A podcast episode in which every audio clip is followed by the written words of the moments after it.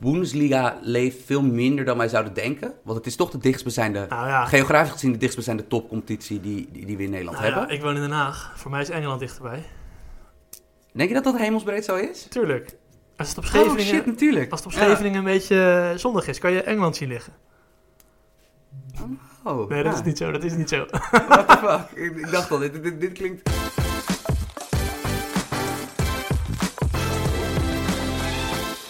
Hoi, leuk dat je luistert naar de allereerste voetbalpodcast zonder draaiboek. Ja, Sam, ik zie jou kijken. Gaat dit gebeuren zo? Ja, dit gaat gewoon zo gebeuren. Oeh, Renegade. Ja, ik zit hier met Sam Planting. Hoi Sam.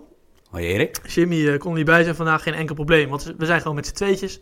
We zitten nog steeds in de studio bij FC Afkikken, zoals altijd. Ja, Sam, je zit te knikken, dat is toch zo? Ja, shout-out FC Afkikken. Topgozers. Wa- Wat is FC Afkikken precies? FC Afkikken is het online eh voetbalpraatprogramma in Nederland. Nou, mooi. Te vinden op het YouTube-kanaal van Fox Sports. Elke dinsdag en vrijdag, zeg ik. Ja, en ik zag ze laatst bij de Wereld Draait Door, kwamen ze even langs. Stonden in de Volkskrant, dus eh, ja, grote, Ze hebben eh, een podcast of vijf, zes onder hun paraplu zitten. grote spelers aan het worden. En voor de mensen die gehoopt hadden dat ik elke week zo'n intro zou doen als vorige week, ja, dat kan natuurlijk niet. Ik ga niet elke week zo'n tekst schrijven. Ik vond hem wel heel goed, man. Hij was- echt heel goed. Hij was leuk, maar wat moet je dan nu doen? Ja, de Eredivisie is weer terug. Nou, wat we nu hoeven doen is volgens mij... We hebben niet zoveel intro nodig, hoe want zou- de eredivisie is dronken. Ja, maar even, hoe zou ik dan nu moeten beginnen? Oh, we hebben weer een Eredivisie, wat spannend. Nee, dat is niet Des Erik Elias, dat is niet Des Voetbalpodcast. Nee, vind ik ook niet sexy. Weet je wat wij moeten doen? Wij moeten gewoon nu gaan analyseren waarom Ajax en PSV allebei punten hebben laten liggen. Terwijl ze dat de hele eerste seizoenshelft nauwelijks hebben gedaan. Daar zijn we goed in. Ja. Dus eh, kom maar op. PSV beginnen of Ajax? Ehm, wat jij wil. PSV. PSV. Heb jij die wedstrijd gezien? Ja, ik zal even vertellen wat er gebeurd was. Ik was gisteren aan het werk in Utrecht op de VI-redactie. Eh, ik heb beide wedstrijden van PSV en Ajax met een half oog meegekregen, maar ik moest ook gewoon nog dingen maken. Eh, ik kwam thuis. Lijkt me dus heel moeilijk, want je zit daar dus op de redactie, je moet werken en ondertussen staan er negen schermen tegenover je. Met negen wedstrijden. Ah, naast me. Ja, ik, ik, ik, ik ga wel altijd zo zitten dat, dat, ik, dat ik, als ik recht vooruit kijk, dat ik alleen mijn Ik computerscherm zou, dat, zie. ik zou dat niet kunnen hoor. Bijvoorbeeld zeker met Ajax Heerenveen, wat voor wedstrijd dat was.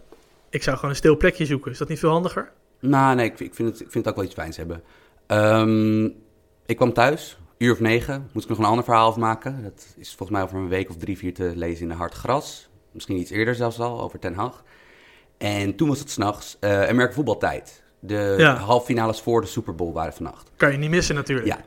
Ondertussen knaagde er wel iets aan mij. Ik dacht van shit, ja, bedoel, deze wedstrijden, ja, dit is tamelijk bizar. Van ploegen die zo goed waren in de eerste seizoenshelft, die moeten... Ja. ehm, En je dacht, ik kan er niet zorgen dat Erik de spotlight stilt. nee, dat Die was kijkt natuurlijk altijd ook die wedstrijd. Precies, en dat was in het holst van de nacht werden wij geappt eh, door Jimmy dat er toch een beetje een spoedgevalletje was. Dat we met z'n tweede podcast zouden moeten opnemen. Ik was nog wakker. Ja, Toen dacht ik, nou. normale mensen slapen dan gewoon, maar jij was nog wakker. Ja, en ik dacht van, nou, weet je wat? Ik ga, ik, ik, al, suck it up.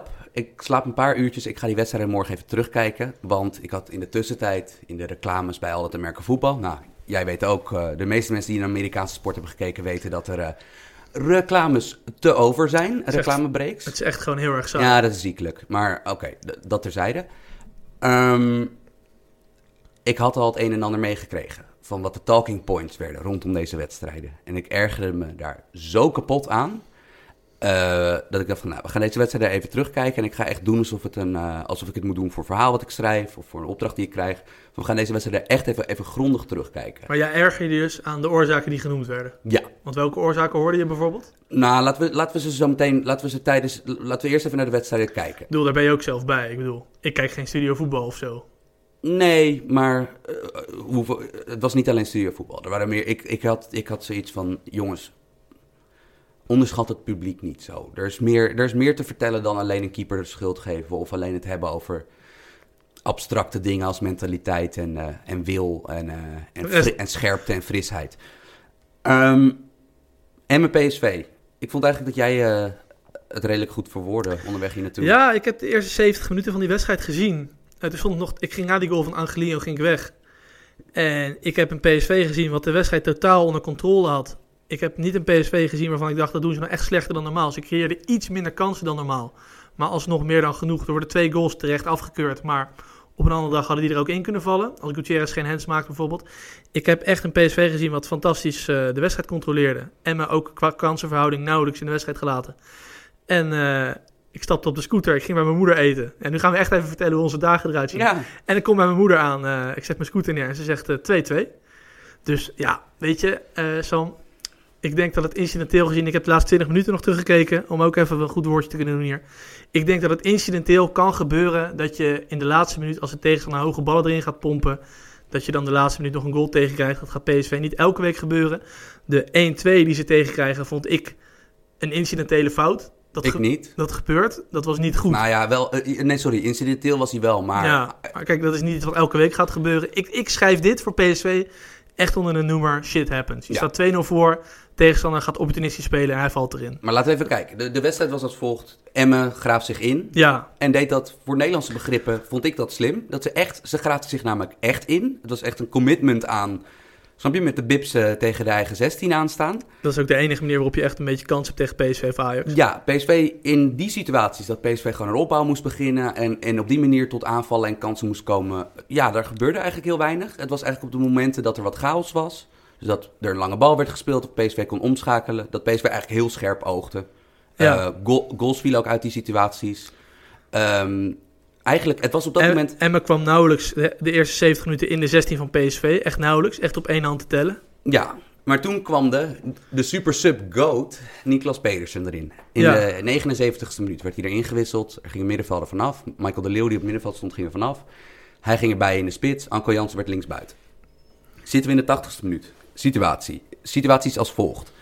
Eh Chacon, middenvelder Miguel Chacon, die bouwt op aan de linkerhelft van het middenveld. Links van hem, tegen de zijlijn, staat Kavlan, zijn linksback, de linksback van Emmen. De linksback van Emmen is opgepakt door de rechtsback van PSV, Denzel Dumfries. Chacon eh, kijkt recht voor zich en ziet aan de linkerkant van het strafschopgebied Anko Jansen staan. Anko Jansen wordt niet door een centrale verdediger opgepakt, maar door Rosario. Die is mee teruggezakt. Eh Anko Jansen, die dus, die, die dus half naar binnen is gesneden als linksbuiten. Rosario is mee, mee teruggelopen met Dus, hem. dus middenvelder Rosario wijkt een beetje uit naar de zijkant. Ja, die stond dus tussen eh, de zijlijn en het strafschopgebied in. In die zone stond die Anko Jansen te dekken. Nou ja, Chacon en Anko Jansen, twee Emmenaren, spelen een 2 tegen 3 uit. Want namelijk Chacon werd op dat moment gedekt door Malen en Bergwijn. Kan gebeuren. Dat kan gewoon gebeuren. Snap je? Soms, soms in een ondertal kom je wel eens onder een situatie uit. Ondertussen was de situatie, waar uiteindelijk de goal uitvalt, bij het strafschopgebied als volgt. Schwab, de rechter centrale verdediger, stond al aan de linkerhandkant van keeper Zoet. Viergever stond als linkervoorstopper bijna op de linkerhoek van het strafschopgebied. Angelino daar nog buiten. Eh, de, de drie vierde van de PSV-verdediging stond dus heel erg ver naar één kant. En ook nog eens de kant waar de bal niet was, eh, stonden ze naartoe gepositioneerd. Waarom was dat zo? Omdat beide spitsen, eh, Arias en Pedersen, de twee- allebei een beetje targetman-achtige types, waren allebei, hadden zichzelf een beetje in de rechterhoek van het veld verstopt om daar een, waarschijnlijk een overlap te maken voor een hoge bal. En Schwab en Viergever die gingen hem volgen. Swaap en Viergever die, die, die zakten dus allebei naar links uit. Angelino, Angelino stond daar al. En Dumfries. En Dumfries die was dus helemaal op de andere helft van het veld uitgestapt op Catalan. Dankjewel voor deze vraag. Dat is verhaal. Wat er vervolgens gebeurt is dat Peders, Pedersen komt van de rechterflank van de, van, eh, vanuit Emmen, Emmen op zich te bezien. Die kruist voorlangs, randje strafschopgebied. En eh Chacon, die net uit de 1-2 komt, ziet dit.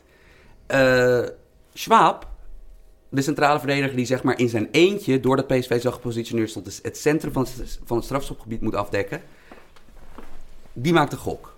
En die gok ko- kost PSV uiteindelijk de wedstrijd. Eh Schwab, Het kost een tegengoal. ja, want Schwab ziet Chacon uit die 1-2 komen en die denkt, ik ga die paas onderscheppen. Dus in plaats van naar achter te lopen, om de diagonaal zeg maar passief op te vangen, probeert hij hem actief op te vangen. Chacon wacht een halve seconde langer met pasen dan Schwab anticipeert, waardoor Schwab dus eigenlijk richting een middenlijn eh, eh, uitstapt, terwijl Pedersen in zijn rug achterlangs snijdt. De paas van Chacon klopt en eh 2-1 valt. Goed afgewerkt. Goed afgewerkt. Ja, Eigenlijk daarna nog steeds weinig aan de hand, weinig aan de hand. vond ik. Ik vond dat PSV het geduldig uitspeelde. We wonnen de kopduels als het moest. Hielden de bal in de ploeg. Hadden nog kansjes om, het 3-1, om de 3-1 te maken. En dan Ja, en dan, krijgt Emmen in de 91ste minuut, denk ik. Het was Ja. nog niet helemaal het einde van de blessure. 91ste minuut krijgt ze een corner. ja, toen ging de nieuwe Jan van Beveren. Eh, die ging mee, Kjell Ja. Scherpen. Eh, de corner wordt gewoon prima weggewerkt door PSV. Komt terecht bij eh, de geweldig genaamde geen, Gersom Klok. het was geen corner, toch? Het was een corner aanvankelijk, of een vrij trap. Het was in elk geval uit de hoek van dat veld werd die bal eh, voorgegeven. Dat, want Scherper was meegekomen. Ja. Ehm, die werd weggewerkt, die corner. Oh, zo bedoel je. Ja, Ja. en toen kwam er... Ja, oké. De bal komt uiteindelijk, wordt weggewerkt en komt on- uiteindelijk op zo'n 45 meter van goal komt hij bij Gersom Klok terecht. Is een rechtsbenige back die aan de linkerhelft van het veld stond. Die pompt hem gewoon weer terug de 16 in. Ja. Ondertussen, paar, twee dingen vallen erop in de 16. Kiel Scherpen, in plaats van dat bij het afslaan voor de corner dat hij meteen weer terug naar eigen goal rent, blijft in de 16 staan. Eh Niklas Pedersen was bij de corner helemaal naar de hoek, naar de verre hoek van het strafschopgebied afgezakt. Om een eh, doorschietende corner eventueel op te vangen. Die staat nog steeds helemaal in die hoek van het veld. Geen enkele PSV heeft hem gezien. En dat kost uiteindelijk, eh, dat kost uiteindelijk de tweede goal. Want die bal wordt erin gepompt richting keeper Scherpen. Ja. Raakt de bal volgens mij nog ineens. Volgens mij schampte die hem, maar hij raakte hem volgens mij niet... Het kopt hem niet door of zo. Pedersen komt helemaal uit de rechterhelft van het veld. Weer diagonaal achterlangs ingesneden. Ja. Angelino ziet hem niet. En eh eh, Pedersen werkt de bal binnen voor de 2-2. Alle PSV'ers draaien zich op dat moment om, geven Angelino de schuld. Ik heb die goal een paar keer teruggekeken. Ik vind eigenlijk dat Pablo Rosario, die de man rechts was van Angelino op dat moment, dat die eigenlijk was, was een van de eerste wijzers op dat moment. Die had best wel zijn, eh, zijn, zijn Spaanse linksback slash ploeggenoot kunnen alarmeren dat die, dat die runner aankwam. Want Rosario zag die run wel. Maar Angelino moest Pedersen dekken dus. Nou ja, Angel, Ange- Angelino was de buitenste verdediger bij PSV op het moment dat die bal werd terug ingepompt. Ja. Maar aan de andere kant kan je hier nog altijd praten van een dekkingsfout. Ze, ze, ze, ze pakten een run niet op. Aan de andere kant, het was een doorgeschoten bal. Ja, en je hebt nog ook iets op buitenspel in het voetbal. Dus ik snap dat je één lijn wil houden met z'n allen. Mhm. Maar, weet je... Maar je ziet dus dat dit, dat dit is nu al van... Bij PSV is al het verhaal om echt schuld te gaan aanwijzen. Bijvoorbeeld Schwab neemt een risico bij de, bij, bij, bij, bij de 1-2. En in dit geval, ja, staat PSV niet ideaal bij een doorgeschoten bal. Dit is al heel moeilijk om hier schuld aan. Nou ja, überhaupt, dit zie je toch bij de allergrootste ploegen zie je dit gebeuren. Dat ze af en toe soms zo'n tegengoal krijgen. Ja. Dit is toch precies waarom je altijd moet zorgen dat er twee goals verschil zijn. Om niet dit soort rare slotoffensieven tegen je te hebben. Als je het over de hele wedstrijd kijkt, heeft Emma eigenlijk bijna niks gecreëerd. Nee, er zat een paar gevaarlijke momenten uit standaard situaties... waar nooit echt een, echt een, echt een Nee, kansvol, Maar, kansrijk schot weet je, uit voorkwam. ik vind dan eigenlijk die 2-1 nog erger dan die 2-2. Kijk, over die 2-2 zal iedereen zeggen dat mag nooit gebeuren. En je moet je duel er winnen en noem al die dingen maar op. Maar die 2-1 is eigenlijk erger, want dat is gewoon echt een dekkingsfout. Die 2-2 is gewoon chaos, 20 man in het strafschopgebied en dan wordt erin gepompt. Ja, toch, eh, eh, wat je kan zeggen is dus dat... Waarom we het dit keer zo detailistisch aanpakken is van... Ligt allemaal iets complexer meestal dan er wordt gemaakt. Van het is inderdaad... Ja, bijvoorbeeld Schwab ging in de fout. Aan de andere kant, PSV's verdediging stond niet ideaal gepositioneerd op dat moment. Je kan ook zeggen, Pedersen in dat geval... Pedersen deed ook alsof hij eigenlijk randje strafschopgebied die bal kwam ophalen. Daarop anticipeerde Schwab. Je kan, dat was een goede run. Ja, En je kan ook niet zeggen dat PSV panikeerde in balbezit. Dat ze opeens, weet ik veel, peren naar voren gingen doen. En nou, ik heb, Ja. ook, eh, ik heb ook al de hot take voorbij zien komen dat PSV Easymat miste. Dat vind ik eh, een heel interessante wending. Een dat is wel echt een ouderwetse hot take. Voor de mensen die vanaf het begin luisteren, die weten wat dat is. Ja, en eh, dat vind ik wel een heel aparte. Dat, Ja. dat een verdediger die zeg maar nou, de Achilleshiel van de kampioensploeg van vorig jaar was... dat die, dat die de boel had kunnen redden hier. Terwijl Van Bommel is een trainer die niet van systeem wisselt Nooit. met wissels. Nee, nooit. Want ook bijvoorbeeld, hij bracht Malen voor middenvelder. Maar dat Nee, maar kijk, je hebt genoeg lengte achterin eh, met wat er staat. En Rosario is lang. Hendricks is ook niet klein. Luc de Jong was terug. Dus eh, Maar de Ja. details, ja, details zoals dit bepalen wel eens een wedstrijd. nou, details zoals dit bepaalt altijd een wedstrijd. Sterker nog, zo zijn er honderd details die we nooit bespreken. Omdat ze niet tot doelpunten leiden. Nee, precies. Maar over het algemeen, meestal wint de betere ploeg. En ik bedoel, niemand zal met droge ogen Op, op de lange termijn wint altijd de betere ploeg. Ja, Ja. En niemand zal met droge ogen kunnen beweren dat PSV gisteren niet verdiende te winnen.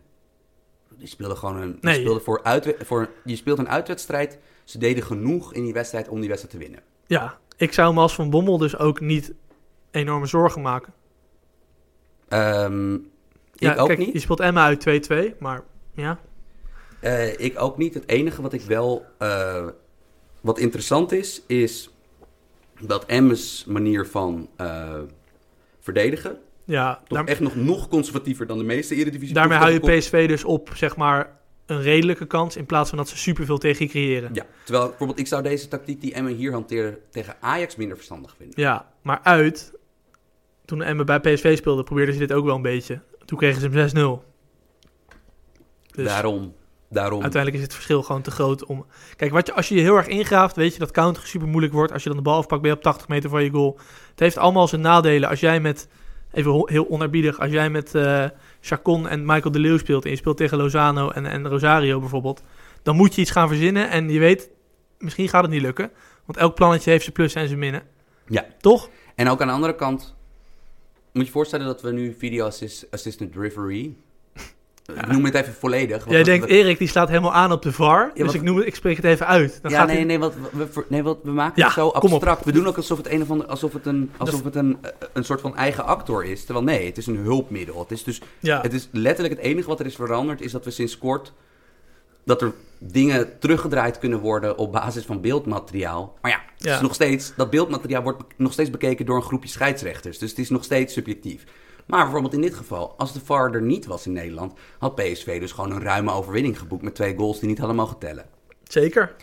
En dan gaan we, dat vind ik een bruggetje naar de andere wedstrijd. Oh, ik ben zo blij dat je niet doorgaat over die VAR, jongen. Ja, we- want zullen we voordat we deze wedstrijd analyseren even één ding... Nou, zullen we, Zal ik gewoon mijn vaste zinnetje over de VAR afdraaien? nee, ik, ik ben benieuwd naar iets, Erik. Voetbal heeft subjectieve regels. Zonder VAR zijn er 95% van de beslissingen goed. Bij slechte misschien 90%, maar Allah, slechte scheidsrechter. Met VAR erbij ga je naar 98% toe. Hou je nog steeds 2% over wat heel discutabel is. Zoals gisteren met Lammers en Lamproe, waarvan iedereen denkt van... Huh, waarom is dat geen penalty? Vond jij het een penalty? Ik vond het een penalty. Ik vond het ook een 100% schat strafschop. Ik snap niet dat die jongens daar naar beelden kijken en dat niet zien. Aan de andere kant, dat is blijkbaar die 2% die erbij horen. Het enige wat me ergert aan de VAR is dat het lang duurt. Dat dat niet gereflecteerd wordt in de blessuretijd vaak. Dus er is VAR, maar dat wordt dan niet terug in de blessuretijd. En ik vind het irritant dat die scheidsrechters zelf gaan kijken. Zijn er eh, twee dingen die de VAR kan oplossen. Ja, Eén is, ik hoorde vanuit, ik was dus zelf niet in het stadion, maar ik hoorde van mensen die er wel waren, dat in het stadion dachten eh, de Ajax-supporters dat er een penalty moment voor Ajax werd, ehm, eh, werd nagekeken. Dat zou opgelost moeten worden. Er, moet, er, moeten, er zou dan, weet ik veel, een spreukje of twintig, snap je gewoon, van tevoren bepaalde zinnen, die zouden op het eh, scorebord van stadions zouden moeten komen wanneer de VAR, snap je? ja VAR-beslissing. We zijn dit aan het reviewen. lijkt me Punt. helemaal top. En we moeten ze ook van tevoren uitschrijven, die zinnen, zodat er ook niet daar controverse en woede over kan ontstaan. Ja, dat er niet En- iemand snel moet typen of zo. Nee, zodat er, dat er dan niet van, kijk, eh, de scheidsrechters zijn altijd voor Ajax. Of Ja. kijk, ze zijn altijd voor PSV. En kijk, Pek Zwolle mag niet, mag niet in het linkerrijtje eindigen, want dit en dat. Pek Zwolle mag niet ja, in ik het linker- noem even de eerste neutrale Nederlands ploeg die me te binnen schat. Dat is oplossing 1. Dat er moet ergens iets gebeuren om naar de fans in het stadion, de mensen die heel veel geld betalen om naar zo'n wedstrijd te gaan, Ja, om die te informeren wat de fuck er gaande is. maar dat hebben we al best wel vaak gezegd. Dat hebben we al best vaak gezegd. Oplossing 2 met die VAR is dat er, ter- dat er gewoon in het beeldscherm, en of dat nou bij de televisieuitzending is of, bij, of in het stadion, dat er gewoon een timertje meeloopt hoe lang het duurt. Ja, Simpel is dat. en dat... Snap je? En dan, staat er onomstotelijk dat deze review 1 minuut en 44 seconden duurde. Weten we dat ook weer. En dan draai je dat gewoon bij de blessuretijd, tel je dat erbij op en dan ben je klaar. En wat mij betreft zeggen ze gewoon, joh, ik heb dit net gezien op het scherm. Nummer 11, gele kaart en penalty. Of wat dan ook. En het blijft gewoon het, blijft gewoon het feit Nou, dat de VAR, verandert, ver- de VAR verandert weinig aan het feit dat een scheidsrechter, en in dit geval Serdar Guzebuyuk, Ja, Ehm, ja, in een volle arena een penalty tegengeven bij een gelijke stand met een kwartier te gaan. is best eng. Moet je ballen hebben. Ja, En, en het verandert ook niks aan het feit dat we een hele rare handsregel hebben. Dat de scheids moet bepalen of iets bewust is of niet. Het verandert niks aan het feit dat het meespeelt waar de bal is op een bepaald moment. En dat het allemaal vrij subjectief is nog. Dus eh, je kan ook de regels een keer gaan aanpassen. Ja. Dat gezegd hebbende. gaan we nu naar die wedstrijd zelf. Die is veel Ajax. Heerenveen, ja, 4-4. Wat de fuck, man. Als jij s ochtends tegen mij gezegd had, of Jimmy voor de, wat dat betreft. PSV speelt 2-2 en Ajax speelt 4-4. Dan had ik gewoon Panassia gebeld. Had ik je op, had ik je op laten nemen. Nee, absoluut. Maar even, voordat we die pot weer helemaal detailistisch gaan bespreken. Ik vind het wel goed voor de eredivisie. Want het lijkt mij goed dat er je niet van tevoren een eentje in kan vullen als Ajax Heerenveen speelt. Of als Ajax tegen Heerenveen speelt. Dat je niet van tevoren al weet, dit wordt 4-5-0. Ja. En ja, gisteren was een uitzondering. Heerenveen ging efficiënt met zijn kansen om. Maar toch, ik vind het goed dat we niet het van tevoren kunnen uittekenen. Want dan wordt het gewoon saai op een gegeven moment. Dat hebben we ook wel eens of we die podcast moeten maken van ja... waar gaan we het over hebben? Ajax weer met 5-0, gaan we het niet over ja, hebben? maar nu, nu, nu bekijken we het vanuit ons gezien. Nee, van- maar ook als mensen Studio Sport kijken bijvoorbeeld, zullen ze ook denken, nou, is niet veel aan dit jaar. Het wordt gewoon weer 4-0 voor Ajax, snap je? Dus dat is goed. Waar ging het fout voor Ajax, Sam? Laten we even de, gewoon... De goals vertelden in dit geval wel de wedstrijd. Er waren ook een paar andere momenten. Nou, de penalty moment hebben we besproken, maar de goals vertelden de wedstrijd. Ga je al die goals doen zoals Schwab en zo net? We gaan alle goals doen, maar, de, maar drie of vier daarvan kunnen we letterlijk in drie woorden kunnen we afkruisen. Kom maar op. Goal 1. 1-0 voor Ajax. Je kan het vanuit twee manieren bekijken. Briljant, misschien wel de leukste corner variant die we dit Eredivisie seizoen hebben gezien. Gebeurde drie dingen. Eh, Ajax speelde hem kort met drie mensen. Eh Ziyech, eh Schöne en Zinkgraven in de hoek. In het strafschopgebied had Ajax vijf mensen. Drie daarvan gingen naar de korte paal. Eh, het leek erop alsof dat een afleidingsmanoeuvre was om Matthijs de Licht vrij te krijgen bij de tweede paal. Mhm. Maar Matthijs de Licht was het derde afle- afleidingsmanoeuvre. Want het was gewoon, de bedoeling was om een vrije kopkans te creëren. Of een schietkans te creëren. eh, in het midden van het 6 meter gebied. Ja, En nou ja, soms bedenk je een, eh, een cornertactiek. Of bijvoorbeeld bij basketbal of bij merk voetbal teken je een tactiek uit. En dan, soms gebeurt het wel eens, eens in de zoveel keer. Dat die exact werkt zoals die gebeurde. En dat was in dit geval waar. En gewoon ja, eh, knappe goal. Je kan ook zeggen, eh, drie Heerenveen-verdedigers die in de hoek van het veld Schöne, Ziyech en eh Zinkgraven moeten dekken. Hoe krijgen die het voor elkaar om binnen twee seconden alle drie hun man-op-man verantwoordelijkheden door elkaar te halen? ja, als je volgt ben je ook het Shaki, denk ik. Als je ze alle drie heel strak gaat volgen, komt er Ja. ook wel vrijheid aan de andere kant. Stijn Schaars besloot, ik denk dat hij misschien ook wel, als je terugkijkt, dat hij gelijk had. Hij wilde dat, hij, eh, dat iemand, eh, dat, ik weet niet meer wie die andere Heerenveen-speler was, dat hij hem overnam. Maar dat gebeurde net een fractie van een seconde te laat, waardoor die Schöne die bal vrij in de 16 eh, in kon slingeren. Mooi goal. 1-1. Daar beginnen we. Want wie de Fox Sports aan heeft laten staan bij het, bij het kijken van de live wedstrijd... zal gezien hebben dat elke ajax die aan het woord kwam... behalve natuurlijk Lamproe, die had andere dingen om zich voor te verantwoorden... eh, dat elke andere ajax had het over restverdediging. Over dat. Ja. Vind ik op zich wel leuk. Dat er een keer wordt gezegd, het lag aan een tactische oorzaak en niet aan we waren niet scherp of we hadden nog een Erik, jetlag. wat is in Barber Papa taal, in babytaal, wat is restverdediging? Restverdediging is zeg maar als Ajax of welke ploeg dan ook aan het aanvallen is en ze hebben de bal en ze verliezen hem, dat moment. Wat hebben we over op het moment dat we balverlies leiden? Dus Hoe kunnen we de counter counteren? dat kan op 4, 5, 6, 7, 8 verschillende manieren. Maar meestal doet Ajax twee centrale verdedigers. En Schöne en Frenkie de Jong. En heel soms nog één van de backs, maar niet vaak. Moment 1, waar Ja. de 1-1 uit viel. Dus dat is Ziyech- restverdediging. Eh Ziyech probeert door de as van het veld op te bouwen op eigen helft, verliest de bal. Miscommunicatie met eh Donny van der Beek. Donny van der Beek wordt vaak, vaak geprezen om zijn pressing. Ziyech is ook aanzienlijk beter geworden in doorjagen en in eh gegenpress als hij de bal verliest. In dit geval gebeurde er iets wat we in het Nederlands voetbal heel vaak zien. Het zogeheten, om met mijn, de woorden van mijn baas Pieter Zwart te spreken, het zogeheten baalmomentje. Eh Ziyech maakt een gebaar naar, naar, naar Van der Beek. Van, wat doe je? Eh, van der Beek maakt het gebaar terug van ja, ik, ik probeer dit en dit te doen. Ondertussen heeft Heerenveen die bal onderschept en is de aanval nog steeds gaande. Kikpiri onderschept de bal. Frenkie de Jong is niet meer van nut om de as te verdedigen, omdat hij eigenlijk al was meegelopen in de actie van Ziyech. Dat betekent dat Ajax nog vier verdedigers en één ver- verdedigende middenvelder ervoor had om het balverlies te voorkomen. Kikpiri speelt de bal in. Schöne, daarom vertelde ik net dat verhaal van Schwab, doet precies hetzelfde als Schwab. Hij neemt een gecalculeerde gok. Hij denkt, ja, met, vier, met, met gewoon nog twee centrale achter me, ehm, ik ga voor de onderschepping hier. Als hij de bal onderschept, is dit een moment in de wedstrijd wat je altijd vergeet. Ja, dat zijn weer die details. Bijvoorbeeld Frenkie de Jong had gisteren denk ik vier of vijf van die ballen die hij wel onderschepte. Ja. Nou ja, hoor je daarna nooit meer over. Had ook een hele gevaarlijke counter kunnen worden. Maar Dus, Schöne, dus de meest ervaren man, en wat namelijk ook voor de tweede keer op rij is dan de meest ervaren speler, degene die de individuele inschattingsfout maakt. In Mhm. beide gevallen moet hij compenseren voor iets wat op teamniveau niet helemaal goed staat. Schöne probeert te onderscheppen, lukt, hij komt te laat. Sam Lammers neemt hem briljant aan met zogeheten zachte voeten. Hij neemt hem heel technisch aan en schiet vanuit de dribbel. hij stond gelijk opengedraaid ook. Ja, want hij neemt hem zo aan dat hij, met dat hij, dat hij zichzelf draait met zijn neus naar het goal. Schiet hem vanuit de dribbel met links in de lange hoek raak. Laag. Ja, laag in de lange hoek. Tweeën voor Ajax. Balverlies over en weer op het middenveld. Bal komt terecht bij, bij Blind. Geweldige lange paas op Tadic. Die vervolgens, nou, Tadic Maar goed. shit doet. Deze De goal kan je toch gewoon samenvatten met drie namen. Blind, Tadic, Ziyech. Ja, die horen alle drie misschien helemaal niet in de Eredivisie te voetballen. Volgende goal is nog simpeler samen te vatten. Gewoon een enorme ketser van Heerenveen bij een korte vrije trap. Ja, Gewoon, hij, wordt, hij, wordt er, hij wordt er schaars, wordt hij 50 meter de lucht ingepeerd. even één ding, hè. te komen. Ook als je amateurvoetballer bent of wat dan ook. Vrije trappen, altijd de 16 uit en niet hoog omhoog, want het wordt altijd chaos. Dat heb je gisteren kunnen zien. Iedereen gaat naar die bal toe. Nu was het alleen de licht dan, maar dat zie je altijd in de Ja. amateurvoetbal ook. Als die bal omhoog gaat, altijd chaos. En Pelle van Amersfoort, de langste speler van Heerenveen die daar in de buurt was, die, ging niet, die deed niet op, op een basketbal of handbal manier dat hij zijn kont erin zette om een zogeheten box-out te doen. Die wijfelde een beetje in het duel tegen de licht, die fysiek sterker ik had het idee dat. Haan zei van ik kom. Ik ga hem Haan stompen. kwam, maar Haan kwam met een twijfel. Ik had het ja, idee dat Van Amersfoort dacht van eh, mijn keeper komt en ik ga er ik niet in. denk het ook, want Van Amersfoort is een lange jongen, maar hij wijfelde echt in het duel. Ik denk Ja. dus dat het daardoor kwam. Nou, goal valt.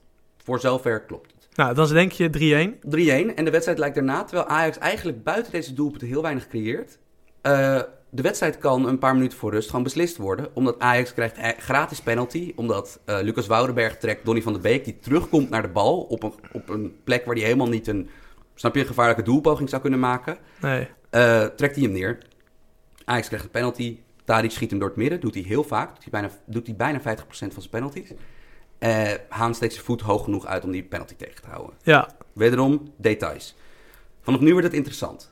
Want in de tweede helft is Heerenveen aan het opbouwen en valt de tweede goal eigenlijk, terwijl dit keer ging er dan niet balverlies in de as vooraf, eigenlijk identieke goal aan de, aan de, aan de 1-1, de 3-2 van Heerenveen. Kikpiri dribbelt... Ajax is in. weer aan het voetballen of niet? Ajax was weer aan het voetballen. Heerenveen krijgt de bal. Heerenveen, is aan, Heerenveen wil opbouwen. Kikpiri dribbelt in. Wederom een goede inspeelpaas. Dit keer ehm, is het Blind die agressief uitstapt. En ja, eh, Blind is geen middenvelder. Blind is een centrale verdediger. Mhm. Eh, waar waren die centrale middenvelders dan? Ja, die waren dus al hoog. Die waren aan het aanvallen. Die waren beide aan het Dus aanvallen. zowel Frenkie de Jong als Lasse Schöne waren eigenlijk te ver weg en keken niet naar het midden van het veld. Nou, nu was Schöne alweer redelijk in de buurt, maar die stond aan de buitenkant gepositioneerd. Want het was uiteindelijk Mhm. blind stapt agressief uit. Nou ja, wederom, als, je, als hij hem pakt, knippert niemand zijn ogen. En denk je, nou oké, prima, gaan we weer. Ajax de bal, nieuwe aanval. Lammers, wederom, aanname met zachte voeten, draait zich wederom om. En dit keer met Schöne, die komt herstellen. Dribbelt hij hem weer en dit keer schiet hij hem met rechts in de lange Ja. laag raak. Vond jij dat de verdedigers van Ajax in beide goals te veel achteruit liepen? Had er uitgestapt moeten worden? Eh, nou ja, in beide gevallen was het identieke wat gebeurde. Is dat iemand een agressieve beslissing maakt om voor de onderschepping te gaan. Mhm. In beide gevallen komt hij net een fractie van een seconde te laat. En in beide gevallen kan Lammers in de, in de meest waardevolle zone van het hele veld... het centrale gebied rondom het straf, strafschopgebied, kan hij indribbelen. Maar vond je dat een van die laatste lijn had moeten uitstappen om die dribbel van Lammers te voorkomen? Dan maar het risico nemen dat hij... da- Dan maar, de, dan maar hem voor de keuze forceren om... om Ik had het een beetje het idee namelijk dat ze achteruit liepen. Wat ze vaker doen, niet altijd, maar vaker. Met het idee van nou, afstandsschot buiten de 16, laat maar komen. Ik laat me in ieder geval niet uitspelen. En op een gegeven moment bij de 16 stop je dan. Zodat Lammers dan of tegen jou aanloopt of een beweging moet maken of wat dan ook. Maar twee keer kwam dat moment niet, omdat Lammers hem gewoon in het zijn net schoot. Ja. Dus ik, ik had een beetje het idee, misschien is dat ook een teamafspraak. Dat die Ajax-verdedigers gewoon naar achter lopen tot de 16 of ja, wat dan ook. centrum dicht houden. Maar Ja. een tijdje, je moet natuurlijk wel... Kijk, er is een punt waar je moet uitstappen. Ja, en dat punt, zeg jij, was nu te laat. Ja. Waren ze te laat mee? Ja. Als zeg maar in, als in de zogeheten zone 14, dus in, die, in, die, in dat, in de, in, ja, in, om een jargon trekt gewoon in dat vlak, bij rand 16, dus nou, waar je de gevaarlijkste steekpasen vandaan kan geven, waar je richting penalty stip kan dribbelen, Mhm. daar moet je toch ingrijpen. 3-3. Ajax had een, eh, een, een eh, ja, ik weet het niet meer, cornervrij trap. In elk geval, het kwam op neer dat de licht was voorin blijven hangen. En vervolgens, Masraoui stond gewoon op zijn vaste Masraoui-plek. Die stond gewoon heel hoog. Gewoon rechtsbuiten. Ja, die stond gewoon eigenlijk als rechtsbuiten. Mhm. Eh, iemand kopt de bal weg met een snoep, snoekduik uit de 16 van Heerenveen. En Lammers, voor de derde keer, neemt hem fluweel zacht aan. Dit keer versnelt hij aan de bal. En op links gaat Arber Zeneli als de duivel de diepte in. Nu is Masraoui een relatief snelle rechtsback. Masraoui is zeker niet traag. Masraoui is niet even snel als Zeneli. En Zeneli had al een paar meter voorsprong, omdat eh Masraoui zo, zo hoog stond. Zeneli gaat de diepte in. Wat betekent dit? Een van de drie jongens die bij Ajax achterin bleef, waren op dat punt waren het Blind, Schöne en, en Sinkgraven. Een van die jongens moet naar Zeneli uitstappen. Waardoor opeens Ajax met drie man achterin heel wijd gespreid stond. Lammers dribbelt naar voren en geeft een schitterende steekpaas op uh, Mitchell van Bergen. Ja. De, de, de pijlsnelle rechtsbuiten die ook een van de uitblinkers was. En, ja, Mitchell van Berg komt in de 1 tegen 1 met Zinkgraven. Ja, en zet hem voor schut. Dat liep gewoon niet af, goed af voor Zinkgraven. Nee. En hoe eindigt de goal? Uh, van Bergen kapt Zinkgraven drie keer in één actie uit. Ja. En schiet hem laag in de verre hoek raak. Waarom zeggen we dit nu drie keer op rij, dat, hoe die goal uiteindelijk erin rolde? Ja, vanwege het L-woord. Vanwege het L-woord. Kostas Lamproe, ik hoorde hem net al. Ja. Ja. Want we zijn nu in de wedstrijd aanbeland. We zijn nu bij het al besproken. Penalty nou ja, moment komt nu. Kijk, er zijn drie ballen die gaan op dezelfde manier in. En het is de reservekeeper. Dus dan ga je al snel de associatie maken. Goh, had de eerste keeper er misschien wel gehad. Ja. En als het drie keer gebeurt, is natuurlijk dat. Kijk, drie ik keer vind het een beetje gevaarlijk om te zeggen: Ajax heeft verloren door Lamproe. Ja. Want hè, je bent al een lang betoog bezig waarom er heel veel dingen misgingen. Op plekken waar een keeper op het veld niet staat. Namelijk op de helft van de tegenstander en uh, rond de middenlijn. Aan de andere kant kan je na deze wedstrijd wel de vraag oproepen, zeg ik met enige nuance, of Kostas Lamproe goed genoeg is om tweede keeper van Ajax te zijn. Ja. Ja, ik dacht van wel. En na deze wedstrijd denk ik van niet. Nee, oké. Ja. Maar goed, verliest Ajax dan door Lamproe? Nee. Nee, maar natuurlijk drie van dit soort schoten, die alle drie niet snoeihard waren ingeschoten. En alle drie ook niet, snap je, binnenkant paal in de hoek waren, eh, waren Ja, ze gingen wel echt een stukje van de paal. Dat je je kan afvragen van, heeft Lamproe genoeg reach? Heeft hij Ja. genoeg, ik weet niet of, wat daar een goed Nederlands woord is, maar kan die, Rijkwijde heeft hij, armen. ja, heeft hij lang genoeg armen? Dat een hele rare vraag is voor een keeper, maar oké. Ja. Zijn zijn armen lang genoeg? Nou ja, vervolgens blundert hij voor het eerst echt. Is, dat is de, de, de blunder in de wedstrijd. is Ja, natuurlijk die dat is dus het gekke. Hij heeft één veroorzaakt. blunder, echte blunder. En dan komt hij mee weg. Daar komt hij mee weg. Ja. En drie ballen waarvan je zou zeggen van, nou, weet je, kan hij hem pakken, kan hij niet pakken? Nou, lastig. Nou ja, Ajax gaat vanaf dat punt, vanaf eigenlijk al een kwartier voor tijd, gaan ze all out.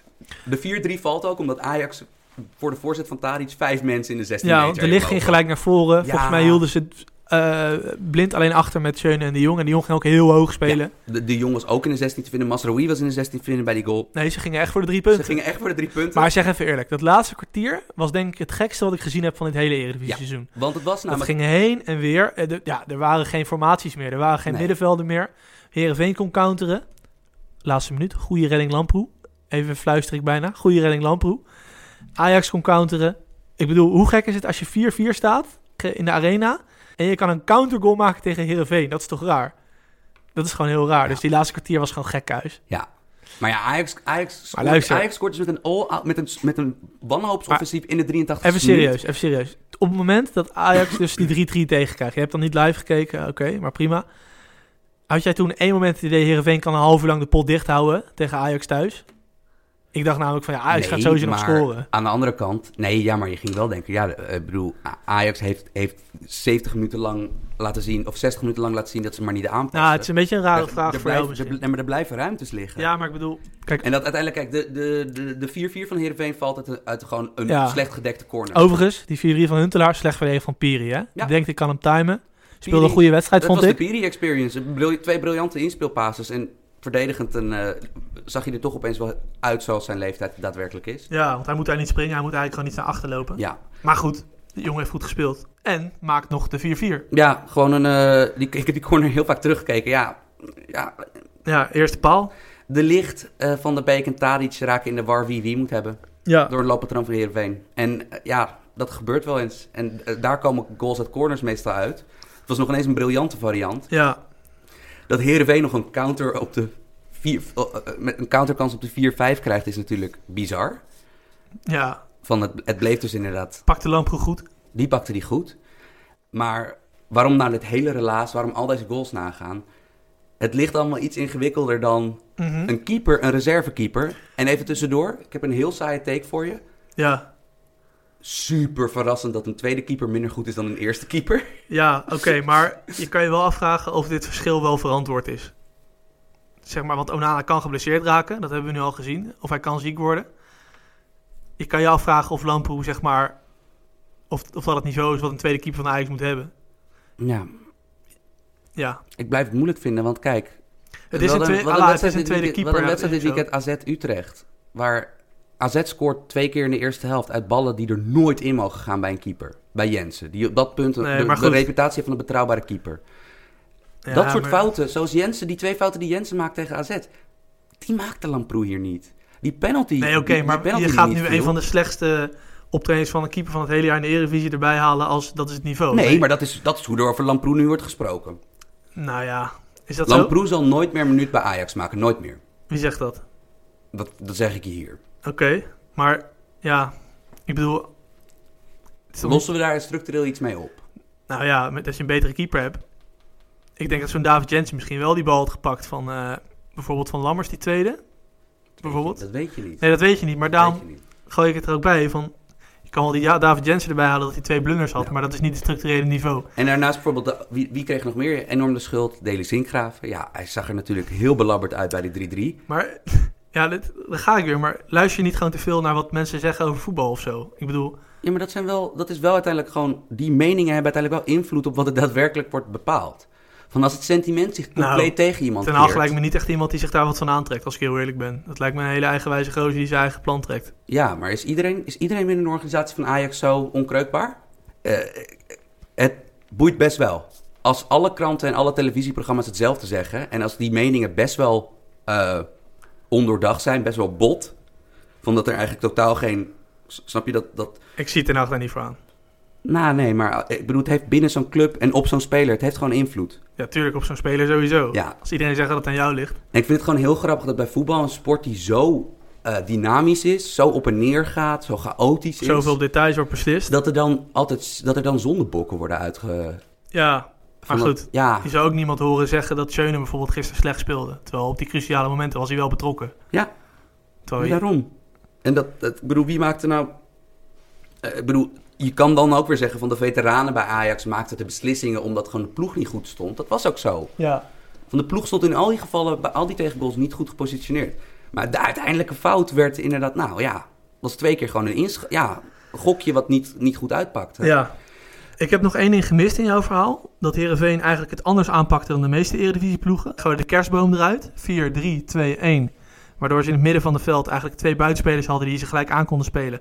Of die onder Lammers konden komen. Vond ik leuk. Vond ik een goede tactiek. Speelden alle drie, sowieso spelen die alle drie Kijk, goede We seizoenen. hebben Jan Olderikring best wel aangepakt in het podcastje. Dus hè, ik ga ervan uit, ook al was hij geschorst, dat hij deze tactiek had bedacht. Dus uitstekend plannetje. Werkt goed. En Sam Lammers, man. Riskant en gedurfd. Ja, Holy Lammers, even. shit. Hoe goed is Sam Lammers? Ja, heel goed. Veel Ja. beter dan ik dacht. Is Lammers goed genoeg om volgend jaar Luc de Jong uit de baas bij PSV te spelen? Maar het feit dat ik erover moet twijfelen, terwijl Luc de Jong is Kijk, ik vind Luc de Jong wel echt heel super goed. waardevol. Maar hoe lang nog, weet je? Ja, kijk, het is, het is een kwestie van smaak. Ik bedoel, Luc de Jong is de beste duelwinnaar in de... Snap je? Van er is niemand die je liever hebt om een, om een kopduel of een, of een Nee, tweede bal te winnen. Lammers is meer een Ajax-spits. Nee, ja, ik vind in, in termen van een Ajax PSV, dat vind ik, dat vind ik flauw. Want Nou ja. PSV heeft toch ook geweldige technische spelers? Ja, maar PSV speelt niet zo dat ze de spits aanspelen, dat Nou de derde man eronder Als je komt. met Lammers gaat spelen, zou je anders spelen. Maar ja, je Ja. hebt een tweebenige spits die een fluwele aanname heeft, relatief snel is, redelijk klinisch in de 16, kan dribbelen. Ja, goed, echt een groot talent. Ja, maar goed, ze hebben daar Luc de Jong bij PSV en Maxi Romero. Dat is ook gewoon een centrumspits. Dus het wordt gewoon knokken voor hem. En misschien wordt dit wel een hele goede benieuwd. aankoop van AZ. Die een spitsenprobleem hebben misschien wel. Ik ben benieuwd. Ik bedoel, ik, ik, ik, eh, Maxi Romero moet goed zijn om... eh, stel dat Lammers nog Ja. een kans krijgt bij PSV, dan moet Romero goed zijn om hem eruit te spelen. En eentje nog eh, Mitchell van Bergen inderdaad. Die rechtsbuiten die dan recht aan de binnenkant speelde. Waarom speelt hij niet meer bij Vitesse? Ja, omdat ze daar Berens hebben. Dat was het verhaal. Hij komt uit de opleiding van Vitesse. Ik denk een half jaar... Nee, minder lang. Twee maanden geleden vroeg iemand een keer... Wie, welke speler er nu op de bank zit bij de Eredivisie heeft veel talent. Toen kwamen er bij een, paar, bij een paar mensen uit. Maar ook bij Mitchell van Bergen toen. Die gozer kan gewoon echt goed voetballen. Dat is een van de grootste talenten uit de jeugdplein van Vitesse. Alleen, ja, Vitesse heeft dat vaker. Dat jongens daar niet eh, hun debuut kunnen maken. En hij is op de brommer. Hij is zeker op de brommer, maar hij heeft ook snelheid. Hij kan heel goed wegdraaien. Dus een leuke speler. Om in de gaten te houden. En eh, wist jij dat als Heerenveen zo doorgaat, dat ze eindigen op 80 doelpunten tegen trouwens? Ja, ik heb volgens mij... eh, dat is een beetje tempo waarin het gaat daar. Lekker man. Ja, ze, bijvoorbeeld, ze zitten nu... Ik weet, ik weet niet meer het aantal teams uit mijn hoofd, maar ik zeg, ik gok... dat als ze op dit tempo doorgaan met tegengoals krijgen... dat ze slechter, dat ze meer tegengoals incasseren dan acht van de laatste tien Ja, meest gepasseerde ploegen in de laatste tien Eredivisie seizoenen. ja. Nee, er schreeuwde even heel hard iemand buiten. Daar was ik even eraf geleid. Ja, nee, dat is niet goed inderdaad. Verder Eredivisie. eh volgende week is natuurlijk Ajax Feyenoord. Feyenoord Ajax. Feyenoord Ajax in de Kuip. Mhm. Ja, Feyenoord die verliest uit, dat verliest uit bij PEC. Eh, als Feyenoord verliest, dan kunnen we eigenlijk twee dingen doen. of wij zeggen wat we altijd zeggen, namelijk geen plan in balbezit. Zonder bal ook niet helemaal duidelijk wat nou de bedoeling is. Te lang met bepaalde spelers doorgegaan. Iedereen loopt hard achteruit. Wij gaan altijd dan meteen de structurele problemen benoemen. Terwijl dan halen we onszelf ook. Dus ik heb Mhm. wel eens gezegd van Feyenoord is misschien wel helemaal niet te analyseren, want het is elke week hetzelfde verhaal. Dus ja, zeg het maar. Ik heb die wedstrijd gezien. Ik zie weer hetzelfde als elke keer. Een ploeg zonder herkenbaar plan in balbezit. Als ze een verliezen, proberen ze hard achteruit te lopen. Je hebt een paar individuele spelers die heel goed zijn, maar ik heb niet het idee dat daar alles eruit wordt gehaald. Nee. En dat heb ik. Kijk, ja. Het is een beetje flauw om dat nu weer te gaan zeggen, maar dat is gewoon het verhaal. Dus als Feyenoord verliest, kunnen we twee dingen doen. Of we bespreken het niet, of we zeggen waar het aan ligt, wat hetzelfde is als het altijd aan ligt. Ja, en ook het verschil is gewoon... Haal Ziyech of Tadic bij Ajax weg. Haal Luc de Jong of... eh, nou, wie is er nog meer? Super... Lozano bij Lozano, PSV. Bergwijn. Ehm, en je hebt nog steeds een ploeg. Terwijl haal Berghuis bij Feyenoord weg. En het, Ja. Ja. Het plan was nu ook gewoon letterlijk weer nou, van de centrale verdediger naar de back, van de back naar de verdediger. ja, Berghuis, jij hebt de bal 40 meter van de goal, ga het maar doen. Ja, ik, ik weet niet. Ik denk dat, we hadden het toch over de MVP van de Eredivisie. ja, Ik denk dat Berghuis het belangrijkste is voor zijn ploeg van alle clubs. ja, Snap maar, als, hij, als, als er één speler wegvalt, welke club heeft daar het meeste last van? Ik denk dat Berghuis dan goed in de buurt komt. dat zou heel goed kunnen, ja. Dan nog, eh, ik zat... ik heb nog één ding over Jordi Klaasie ook. Eh, ik heb bij Klaasie een beetje hetzelfde als bij Casper Dolberg. Van, je ziet af en toe een flits van wat het ooit was, maar je ziet niet constant datzelfde niveau van wat het kan zijn. En Dolberg maakt natuurlijk wel gewoon zijn goals, maar is niet meer zo dominant ook. Ik heb het met Klaasie ook altijd. Dat was zo'n goede voetballer altijd, maar tot nu toe, ik vond dat het een goede aankoop was destijds, maar je ziet het nog niet terug van hoe die vroeger was. Ja, en het grappige is... eh, tijdens deze wedstrijd was er ook een andere wedstrijd gaande. AZ Utrecht. Ja. Dat was de vroege wedstrijd op zaterdag. Niet gezien. Nou ja, over iemand die het helemaal kwijt is geraakt. Maar het nu een beetje terug lijkt te Van hebben. Rijn? Nee, Adam Maher. Adam Maher, oh Yo. leuk. Hoe staat het middenveld nu daar? Mitchell, Maher en Til? Eh, eens even kijken. Ja, wat zeuntjes als valse spits. En, en ja, Stenks en Idrissi. En Maher dan naast Mitchell, zeg maar. leuk team, man. Ja, Ja, het is is gewoon leuk. een beetje jammer dat ze niet zoveel, zo, zulke goede resultaten als vorig seizoen boekten. Maar het is een leuk team. Het is echt leuk. Ja, Zeker nu Maher in die ploeg is gekomen er nog bij. Ja, het is echt... Ja, Idrissi en Stenks zijn echt, echt, echt... ik heb samenvatting gezien. Leuk Stenks, hele goede goal, hè? Dat, dat kunnen niet veel in de Eredivisie, denk ik zo. Maar weet je wat me wel opviel bij die En goal? trouwens, we gaan nu eh, Ja, eh, de, de eer, het eerste buitenlandse of binnenlandse medium eh, dat Kelvin Stenks de Leroy Sané van Nederland noemt, die is af. ja, die is wel af. Ja, want die lui vergelijking met een, linkspoot met een afro-kapsel, die gaat natuurlijk komen. Dat wou ik tegen je zeggen, van bij die goal, ik heb samenvatting gezien hoor. Maar het viel me op dat hij niet, oké, laatste minuut, helemaal tussen die, dat hij niet super explosief naar die goal toe gaat. Hij kapt hem terug, hij moet nog drie man voorbij. Terwijl normaal gesproken zou je zeggen, je hebt die bal, boem, één rechte lijn naar de goal. Dat zou Sané doen bijvoorbeeld. Maar is, is, is Stenks snel? Of, Hij is snel. maar gewoon niet super, super snel. Oh, oh jawel, maar, maar hij heeft ook gewoon heel erg veel techniek. En hij, gewoon, dit was een eenmans counter op techniek. Ja, Wondergoal. ja. En we moeten nog eh, excuses aanbieden, denk ik, aan Henk de Jong. Ja, jezus, hij heeft, hij heeft je gehoord, Erik. ja, natuurlijk Holy niet. shit. 5-1. Die geuze luistert echt deze podcast niet. Maar 5-1. Een De- paar, ja. paar wereldgoals zat er ertussen. ik ging best wel stuk eigenlijk. Fabian De Serrarius. graafschap. eh, na tien jaar, hij had ooit, hij was een van de vele jongens die de, de, de titel kreeg. Toen hij, hij was volgens mij A-junior bij Ajax. Misschien zat hij al in de Jupiler League ergens. Ehm, werd hij de Nederlandse Zlatan genoemd. Nee. Ja, omdat hij lang is en wat techniek heeft. Oh man. En eh, nou, maar ja, ik bedoel, het heeft tien jaar geduurd. Maar, eh, maar, maar ja, hij, hij ging los gisteren. Henk de Jong haalt het er eindelijk uit bij die jongen. Ja, dat is het. Maar goed, De, de meestermotivator. ik heb niet gekeken, jij ook niet. Maar Nee. ik wil gewoon zeggen, Henk de Jong, klasse. Drie punten, 5-1, hier kan je weer mee door. Want nu staan ze volgens mij niet meer laatste, of wel? Weet ik niet. Ze hebben 15 punten. Nou, prima. Wou ik nog even benoemen, want we moeten niet alleen maar eh, Nee. Henk Doe, de het is Jong... sowieso, je staat laatste in de winterstop, snap je? je hebt, volgens mij zouden jij en ik, als wij fan zijn van een club die laatste staat, zouden jij en ik zouden super cynisch en, en, en depressief gaan doen. En je wint gewoon je eerste fucking wedstrijd tegen, tegen een directe concurrent met 5-1. Dat is gewoon heel erg leuk. Nou ja. Hoe je het ook draait. Of Fortuna is niet echt een directe concurrent, denk ik. Maar het is nog knapper. Nou ja, ik bedoel, als je met 5-1 verliest bij de graafschap, I don't know. En je wedstrijdmaat. Ja, oké, maar ik bedoel, not great, Bob. Van, eh, Tegen de Graafschap. nee, met 5-1 verlies van de graafschap is, ik bedoel, niet de Weet bedoeling. je wie ook uitverloren heeft van de Graafschap? Feyenoord. Gaan wij naar het volgende blokje. Ja, we hebben geen draaiboek vandaag, dus het is allemaal super chaotisch natuurlijk. Maar ik wil even het Bundesliga debuut, eh, niet het debuut, maar de, de, de, de eerste wedstrijd van de tweede club waar Peter Bos Bundesliga-trainer is. Die Dit kwam een beetje het... eh Ja, jongen, ik doe ook oh, maar een mijn nieuwe best. club van Peter Bos. De nieuwe club van Peter Bos, Bayer Erik, Leverkusen. eerlijk, vra- eer- eerlijk antwoorden. Is dit je favoriete trainer? Nee. Favoriete Nederlands trainer? Mm, ja.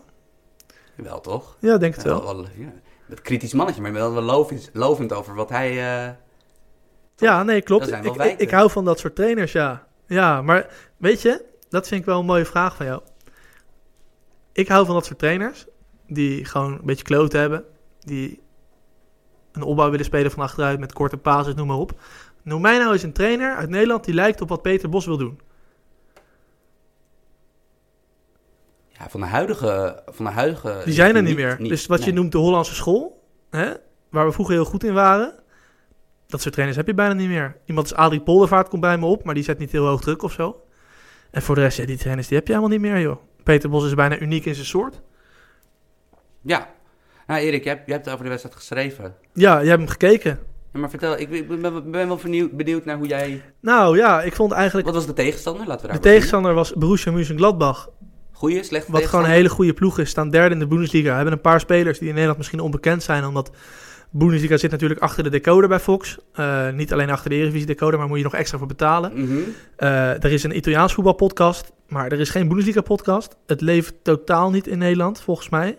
Nou, in het- oosten des lands blijft het Ja. wel leven, maar dat is niet denk ik waar, waar Maar ons goed, bereik meestal eh, Sportschau wordt volgens mij niet super erg gekeken meer. Dus over het algemeen heb ik niet dat de Bundesliga leeft. Maar de Borussia en Mönchengladbach hebben een paar spelers. Die zijn in Nederland onbekend. Lars Stindl bijvoorbeeld. Elvedi, ja, dat zijn gewoon hele goede voetballers. Ja, Dus eh, broertje Hazard is goed. broertje Hazard, eh de keeper Jan Sommer. Nou, die kennen misschien, mensen misschien wel natuurlijk. Maar goed, even om op terug te komen. Wat zien jij voor ons bij Bos? Super aanvallend voetbal met een super hoge laatste lijn. Nou, dat was in deze wedstrijd niet eens echt het geval. Er werd wel druk gezet, maar niet op een manier tot aan de keeper van de tegenstander. Eh, hij liet eigenlijk zijn buitenspelers wat terugzakken. Maakte een 4-5-1. En dan bij bepaalde passes werd er druk gezet vanuit het middenveld. En het was nou niet zo dat we naar een hele leuke wedstrijd aan het kijken waren. De bal was vooral op het middenveld, zeker in de eerste helft. Bayer Leverkusen had niet heel veel kansen. Mönchengladbach had niet heel veel kansen. En op een gegeven moment was er een verkeerd pressingmomentje van Leverkusen. Eh, die goal heb ik toevallig teruggekeken nog een paar keer. Waarbij er worden gewoon een paar fouten achter elkaar gemaakt. Een buitenspeler gaat jagen op de bal. Een andere jongen die zet in zijn rug niet goed eh, de paas dicht. Waardoor eh, nou, de gevaarlijkste zonde van het veld die je net benoemde. Daar kwam een speler van Mönchengladbach aan de bal. En in de topcompetities is dat dus dodelijk. Hè? Ja. Dat moet je gewoon verdedigen. En ze kwamen 1-0 achter. Tweede helft speelden ze beter. Hadden ze een hoop kansen. Maar ze hebben niet de 1-1 gemaakt. En ik hoorde Bos na afloop zeggen van ja, we moeten de kansen afmaken. Ja, dat zijn wel feiten. Alleen Ja, er zat nog wel iets meer in die wedstrijd namelijk. En ik vond het grappig, want wij hebben het idee nog steeds. Waarom is het niet gelukt Bos bij Dortmund vanwege de centrale verdedigers die op de middenlijn stonden? En dat viel heel erg mee. Hij liet zijn laatste lijn niet per se super hoog staan. Ik vond het eigenlijk wel eh, dat hij zich een beetje aangepast had. ja, maar aan de andere kant, hij had wel weer stalen ballen. Want hij had dus Ja, het, kijk. de, het middenveld was als volgt. Ja, kijk, hij stelt gewoon drie man op op middenveld. Ja. Julian Brandt, nou dat is een... Nee, maar even, even ze spelen, eh, om het heel ver- begrijpelijk te houden voor mensen die geen Bundesliga Ze kijken. spelen het Ze oude Ajax-systeem. 4-3 met een 6. Ja. Op de 6, bij Ajax, hoe, hoe, hoe, wanneer ging het Ajax-seizoen bij Onder Bos lopen? Toen, Toen Schöne erin kwam. toen Schöne, gewoon van, van oudsher een spelmaker, op de 6 werd gezet. Als verdedigende middenvelder die het Ja. spel eh, verdeelt. Ja. Doet hij hier met Aranguiz, dat is een Chileen. Die stond vroeger niet op zes bij Chili, maar naast een andere controleur. Marcelo heel vergelijkbare speler met Schöne, toch? Ja, redelijk. Ik denk wel iets meer power nog. Maar oké, je hebt een Bundesliga, Ja. dus je hebt ook betere spelers. Dan had hij in de Klaassen en Ziyech rollen als super aanvallende Ja, maar middenvelders. je hoeft toch niet alles door die Ajax-mal te passen? Ik bedoel... nou, maar ik bedoel, het is toch interessant hoe hij dat aanpakt? Ja, oké. Hij- hij... heeft geen Klaassen. Hij heeft niet een type Klaassen wat 20 keer per wedstrijd voor de goal komt, wat super goed kan pressen. Die heeft hij niet. Hij, heeft wel een hij heeft een getalenteerdere ploeg hier dan hij bij Ajax oh, 100%. had. Maar hij heeft geen Klaassen. Nee. Want hij, Hij heeft- dus... Op de aanvallende middenveldersplekken heeft hij eigenlijk, ik denk, een aanvallende midden linksbuiten met Julian Brandt. Die Ja. zet hij daar maar neer.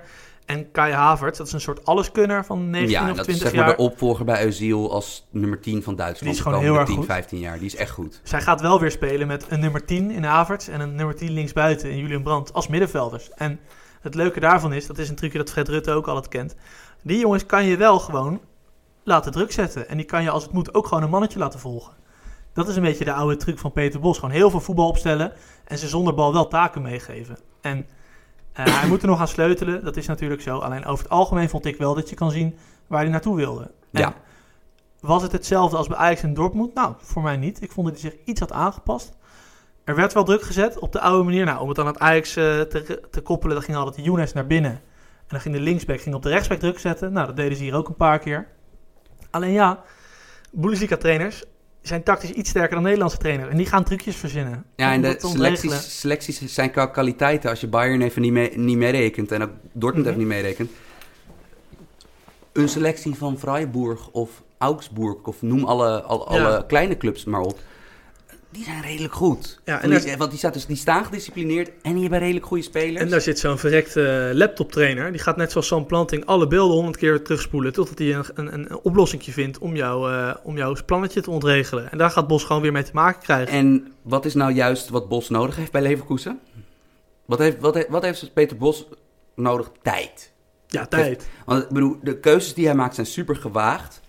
En er zijn dus ook spelers zijn niet echt gewend om te doen wat ze moeten doen onder Bos. Maar vond jij het wel dan eh, heel erg aanvallend? Nou, Zonder bal viel het nee, maar hij maakt qua keuzes. Ik bedoel, als je kijkt welke opstelling hij het veld instuurt. Mhm. En kijk, hij is die trainingspositie bij Leverkusen kwam vrij omdat dat een ploeg is met een krankzinnige hoeveelheid individuele talenten.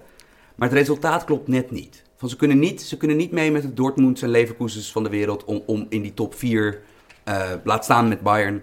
Van dat lukt op de een of andere manier niet. En ja, met Bos ga je dan toch, in plaats van dat je voor zekerheid gaat, voor iemand die zeg maar, een resultatenpakker is, ga je voor iemand die ofwel geweldige resultaten boekt, ofwel het gaat imploderen. Want Ja. het is heel simpel, pik deze ploeg het op, dan kan dit tot hoog, grote hoogte stijgen. Zie Ajax in Europa League. Pikt die ploeg het niet op, blijkt die ploeg toch niet helemaal de selectie te hebben voor al deze gewaagde keuzes die Bos maakt, dan krijg je een Dortmund verhaal. Ja, nou, dat is een hele simpele hoop- versie, maar ik snap wat je bedoelt. Ik hoop dat hij bij Leverkusen de tijd krijgt. Maar goed, je hebt een paar dingen nodig in die speelwijze van hem. Dat is een 6. Nou, die heeft hij op zich met Aranguiz. Jongens achterin met snelheid die en durven doordekken en als het moet kaart kunnen sprinten. Nou, die heeft hij ook wel met Ta.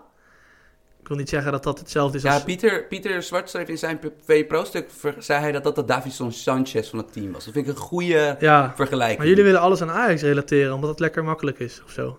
Nou nee, maar eh, omdat in dit geval hij stelt vier voetballers achterin op. En, of drie voetballers en één breker. Dus één iemand die met snelheid en, eh, en snap je, verdedigend stuntwerk de boel oplost. Oké, Nou ja, Maar ik heb Ta ook wel een paar balletjes in inspelen dat ik dacht dat is niet echt een Ja. breker. Puur zang. maar voor de rest zijn het toch weer... Het zijn allemaal een beetje technische types die Ah, je opstelt. Ja, en dat is ook leuk. En daarom krijg je ook over het algemeen leuk voetbal te zien. En ik vind het gewoon grappig. Je ziet gewoon bepaalde mechanismes, zie je gewoon altijd terug. Je ziet weer, zie je echt de bal komen halen en dan in zijn rug iemand diep gaan bijvoorbeeld. Weet je, al die dingen die je terugziet. Kijk, we hebben het wel eens over, wat zijn nou trainers waarvan je kan zeggen, nou ja, dat is een ploeg van Sarri, van Guardiola, van Tuchel, van noem maar op. Ja. Als je dat kan, is knap. Alleen gaat het resultaat opleveren, weet ik niet zeker. Nee, dat is dus de vraag bij Bos. Ja, maar goed, zaterdag... eh, hij heeft geen makkelijk programma, hè? Want Wolfsburg uit? uit bij Wolfsburg en dan bij München volgens Ja. mij. Dus je kan zomaar uit die eerste drie potjes één punt hebben. Ja, of nul. Ja, of één, of nul, of drie. Ja, dat is dus... Ja. Ja, En als we dan even in de Bundesliga blijven... ja, want die zijn weer begonnen. Ja, en ehm, je hoort de Darth Vader muziek alweer aankomen. Want Bayern München, nou, die waren toch wel in een flinke crisis in oktober en november. Ja, omdat ze de kansen er niet in schopten. Maar ze creëerden genoeg. Ja, Ze kregen relatief weinig tegen. Ze hadden alleen één probleem. Die counters afstoppen vonden ze moeilijk. Nou, Kovac is 4-2-3-1 gaan spelen. Nee, ja, maar dit... dit, dit, dit Is, dat, is dit alweer verouderd, eh, Ja, het is, want namelijk tegen Ajax... eh, Wij, wij, wij hebben zeg maar bij eh, die wedstrijd in Amsterdam, die 3-3, Ajax-Bayern, is denk ik de laatste wedstrijd dat Bayern nog een beetje aan het klooien was. Hij heeft, ze, hij heeft, een, hij heeft een basiself gevonden nu. Hij heeft heel harde keuzes durven maken. Ja, er staan een paar jongens naast die jarenlang al in de basis stonden Ja, daar. het lijkt erop dat we niet meer Robbery krijgen bij Bayern. Thomas Müller, Nee, die staat erin. die staat rechts voor. Die, die staat rechts voor. James Rodriguez, eigenlijk hun, snap je, hun mooiste speler. Is gewoon weer op de bank beland. Eh, nou ja, de selectie was nagenoeg fit. En Boateng stond niet in de Wie basis. staat links, rechts buiten dan? Coman en? Eh, linksbuiten stond Coman. Dat is echt wel een van de... Als hij fit blijft, is dat wel echt een van de sterren van dat team. Oh, chill trouwens. Frankrijk wederom een jonge wereldtopper Wie erbij. staat rechts buiten? Müller. Ja. Want Ja. Goretzka is nu de nummer 10 en Lewandowski spits. Dus je denkt van, hmm, Lewandowski, Coman en dan twee eigenlijk van die werkerstypes. Ja, die shit werkt. Eh, En dan Thiago erachter met Gavi Martinez. Ja, en ik denk dat Thiago zijn plek nog gaat kwijtraken. Want dat, dat was een beetje de old man out. Wie Ze gaat dan? speelden vrijdag tegen Hoffenheim. Wie, Dat staat, is, wie eh, gaat ernaast spelen dan? Nou ja, je hebt heel veel opties. Dat, eh, dat zou weer Kimmich kunnen zijn. Die zou, die zou van die backpositie daar terug kunnen zijn. Kan Renato Sanchez zijn. Dat zou eventueel James Rodriguez kunnen zijn. Ik denk het niet. Nou ja, heel veel opties. Maar Bayern kampioen, zeg jij. nu ja, aan de andere kant. Dortmund, wat in de eerste seizoenshelft ook al redelijk altijd zorgvuldig met de kansen omging die het kreeg. En daardoor flink bovenaan staat in de Bundesliga. eh, speelde tegen Leipzig uit. Nou, dat is een van de drie, vier moeilijkste uitwedstrijden van het jaar. Die wonnen ze. Wederom waren ze niet per se de betere ploeg. Marco Reus ontbrak. Eh, als de hele selectie fit is, spelen ze met eigenlijk wisselend een nummer 10 en een spelmaker die daarvoor speelt, die de hele tijd kunnen wisselen. Mhm. En het spektakel moet komen van de, van, van nou ja, de creativiteit van Royce en, eh en Gutsen in het centrum. Eh, die moet dan eigenlijk worden bekroond door, ja, na Mbappé denk ik het grootste aanvalstalent op aarde op dit moment. Jadon Sancho. Ja, die is, eh, die, is die is onvoorstelbaar. Die deed ook weer een paar dingen tegen Leipzig dat je denkt van, hij is 18. En Mhm. nou, als je kijkt naar zijn versnelling, eh, kijkt naar zijn doelmatigheid van zijn acties. Ja, Holy moly. maar wie wordt Ehm, kampioen, denk je? Ja, alles in mij hoopt op Dortmund, maar dat wordt toch gewoon weer Bayern. Terwijl het gat is, heb jij dat, eh, heb jij dat gezien? Wat is het gat? Nog steeds zes punten? Ik heb geen idee. Ja, volgens mij is het gat nog steeds zes punten. Dus 16 wedstrijden gaan, zes punten voor. Ik vrees dat je... Ik vrees dat dat bij Bayern uiteindelijk niet goed afloopt. Ehm, leuke competitie. Jammer dat het inderdaad, wat jij zegt, achter een extra decoder zit. Nee, ja, de Bundesliga wordt inderdaad nauwelijks gevolgd. En je zou eigenlijk zeggen dat het wel zo is, omdat het ons buurland is en een grote club heeft in Bayern München en een, ja, misschien ook een van de tien grootste clubs met Borussia Dortmund, maar dat is gewoon niet zo. Dus ja, wij gaan het in de gaten houden. Mensen moeten maar gewoon de podcast luisteren, want wij zullen hem eens in de zoveel weken wel even meepakken. Zullen we naar de mailback gaan, Sam? Ja, zin in. Ja, eh, unieke mailback deze keer. Waarom? We hebben nul vragen. What the fuck? Ja, ik zal uitleggen hoe het komt. We hebben nul vragen. Er waren twee vragen ingekomen, maar dat waren meer grappige vragen en zo. Ja, leuk, maar daar had ik even geen zin in. Dus die hebben we niet meegekomen. Het ging over voetballers die muziekinstrumenten bespelen. En eh, nog eentje die... eh, Hold up, hold up. Dit, dit, klinkt, dit klinkt interessant. Ja, nou dan moet je maar even naar de Twitter van Jesper Boelekin gaan. Dat is die e-sporter. Oké. Hij vlogt ook trouwens. En die, had een, die heeft een vraag over, over... Die heeft gevraagd, er was een voetballer gestopt. Die drumde of zo. Peter Cech, dat was het. Hij had de vraag, met welke voetballers kan Peter Cech een band vormen? Oeh. Ja, Oh, dit is een opzoekvraag. een opzoekvraag. Ah, Nou ja, een opzoekvraag. Weet je, er zijn wel een paar voetballers in de Eredivisie waarvan ik denk dat ze saxofoon spelen. Ja, die Schouten of zo. Maar waarom? kijk naar het kopje, man. Maar goed, dus ja, geen mailback. We hebben een beetje vals gespeeld, want gisteren hebben we op Twitter ook geen oproepje gedaan. Meestal als we dat doen, komen er wel 10, 15 vragen binnen. Niet gedaan. Iedereen die voor volgende week weer een vraag heeft, mag die insturen naar de voetbalpodcast.gmail.com of op Twitter. Mag gewoon de DM in sliden bij Sam of bij mij of bij Jimmy, die er volgende week hopelijk gewoon weer bij is. En dan willen we nog zeggen, hartstikke bedankt voor het luisteren. Want jullie blijven luisteren, dat vinden we echt tof. Blijf dat ook eh, zeker doen. Eh, ja, blauw duimpje omhoog. Oh nee, het is geen YouTube. Nee, maar wel voor de mensen die zeg maar... Die, ik bedoel, als jij deze podcast tot het einde afluistert terwijl Jimmy er niet bij is... Dit zijn, dit zijn de echte fans. Dit zijn de echte fans. Voor de mensen die nog geen iTunes review hebben achtergelaten... Ja. en dat wel kunnen doen, doe Ah. dat please. Want het helpt ons namelijk wel. Nou, en we staan nu op 4,5 ster. Dat is fucking frustrerend. Ja, want we stonden ooit op we stonden vijf. op 5 en dat wil je gewoon. En nu zit je toch te kijken van ja, dat is niet lekker. Het is een beetje alsof je... Nou, we dwalen af. Maar in ieder geval, als je dat wil doen, heel graag. Bedankt voor het luisteren. Dat je die voetbalnerd eh praat van ons een uur lang aanhouden. Elke week. Want wat Sam zegt, als je nu nog luistert, ben je een echte fan. Dus dankjewel daarvoor. En een hele dikke SO naar Frank van der Struik. Ja, maar ik bedoel... Krijgt Nikos Maglas dan geen SO dan? Ja, ook. Wil je die roepen? SO Nikos Marcus, doe het. SO, SO, SO. Julian Jenner. Julian Jenner, dat is ook goed. Jongens, bedankt voor het luisteren. Tot volgende week. Hoi.